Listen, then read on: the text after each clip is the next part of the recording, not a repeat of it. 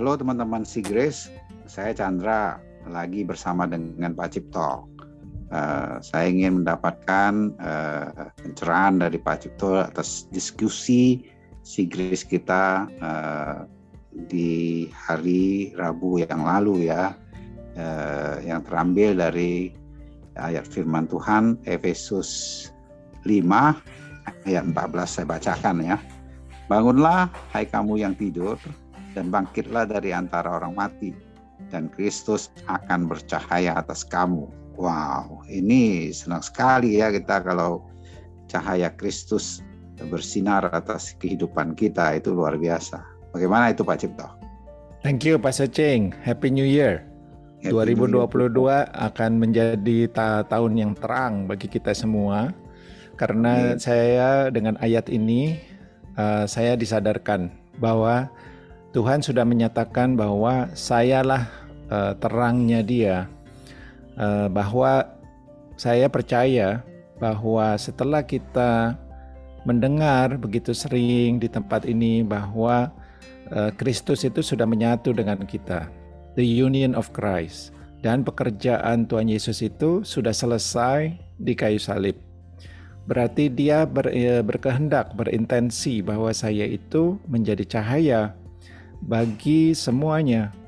Uh, termasuk dia harus mati di kayu salib untuk menebus dan membayar supaya terangnya dia diberikan kepada saya. Jadi postur saya itu uh, menerima, menerima dan percaya kepada dia yang sudah hidup di dalam saya, yang menjadi terang bagi orang-orang yang uh, di sekitar saya yang membutuhkan bahwa saya jangan jadi sumber kegelapan, tapi saya sumber kemenangan, saya, saya sumber cahaya itu.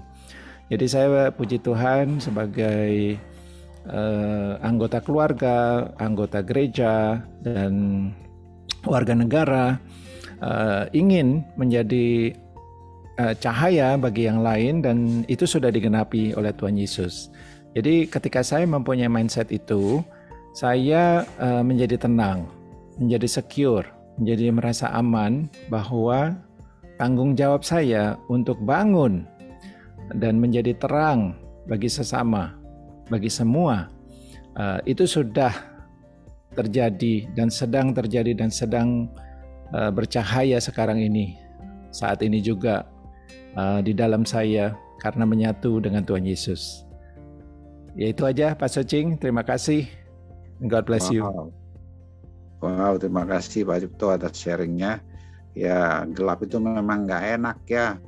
Ya, maka itu Tuhan mengatakan kita itu dari kegelapan. Tadi Pak Cipto bilang dia bukan saja eh, sebagai penerangnya, bahkan kita dijadikan sebagai terang itu karena kita ada di dalam Kristus. Sehingga dengan cara berpikir seperti itu kita sudah menerima terang dan menjadi terang dia kita menjadi sangat ringan ya menjalani hidup ini eh, dengan segala situasi kegelapan yang dihadapi.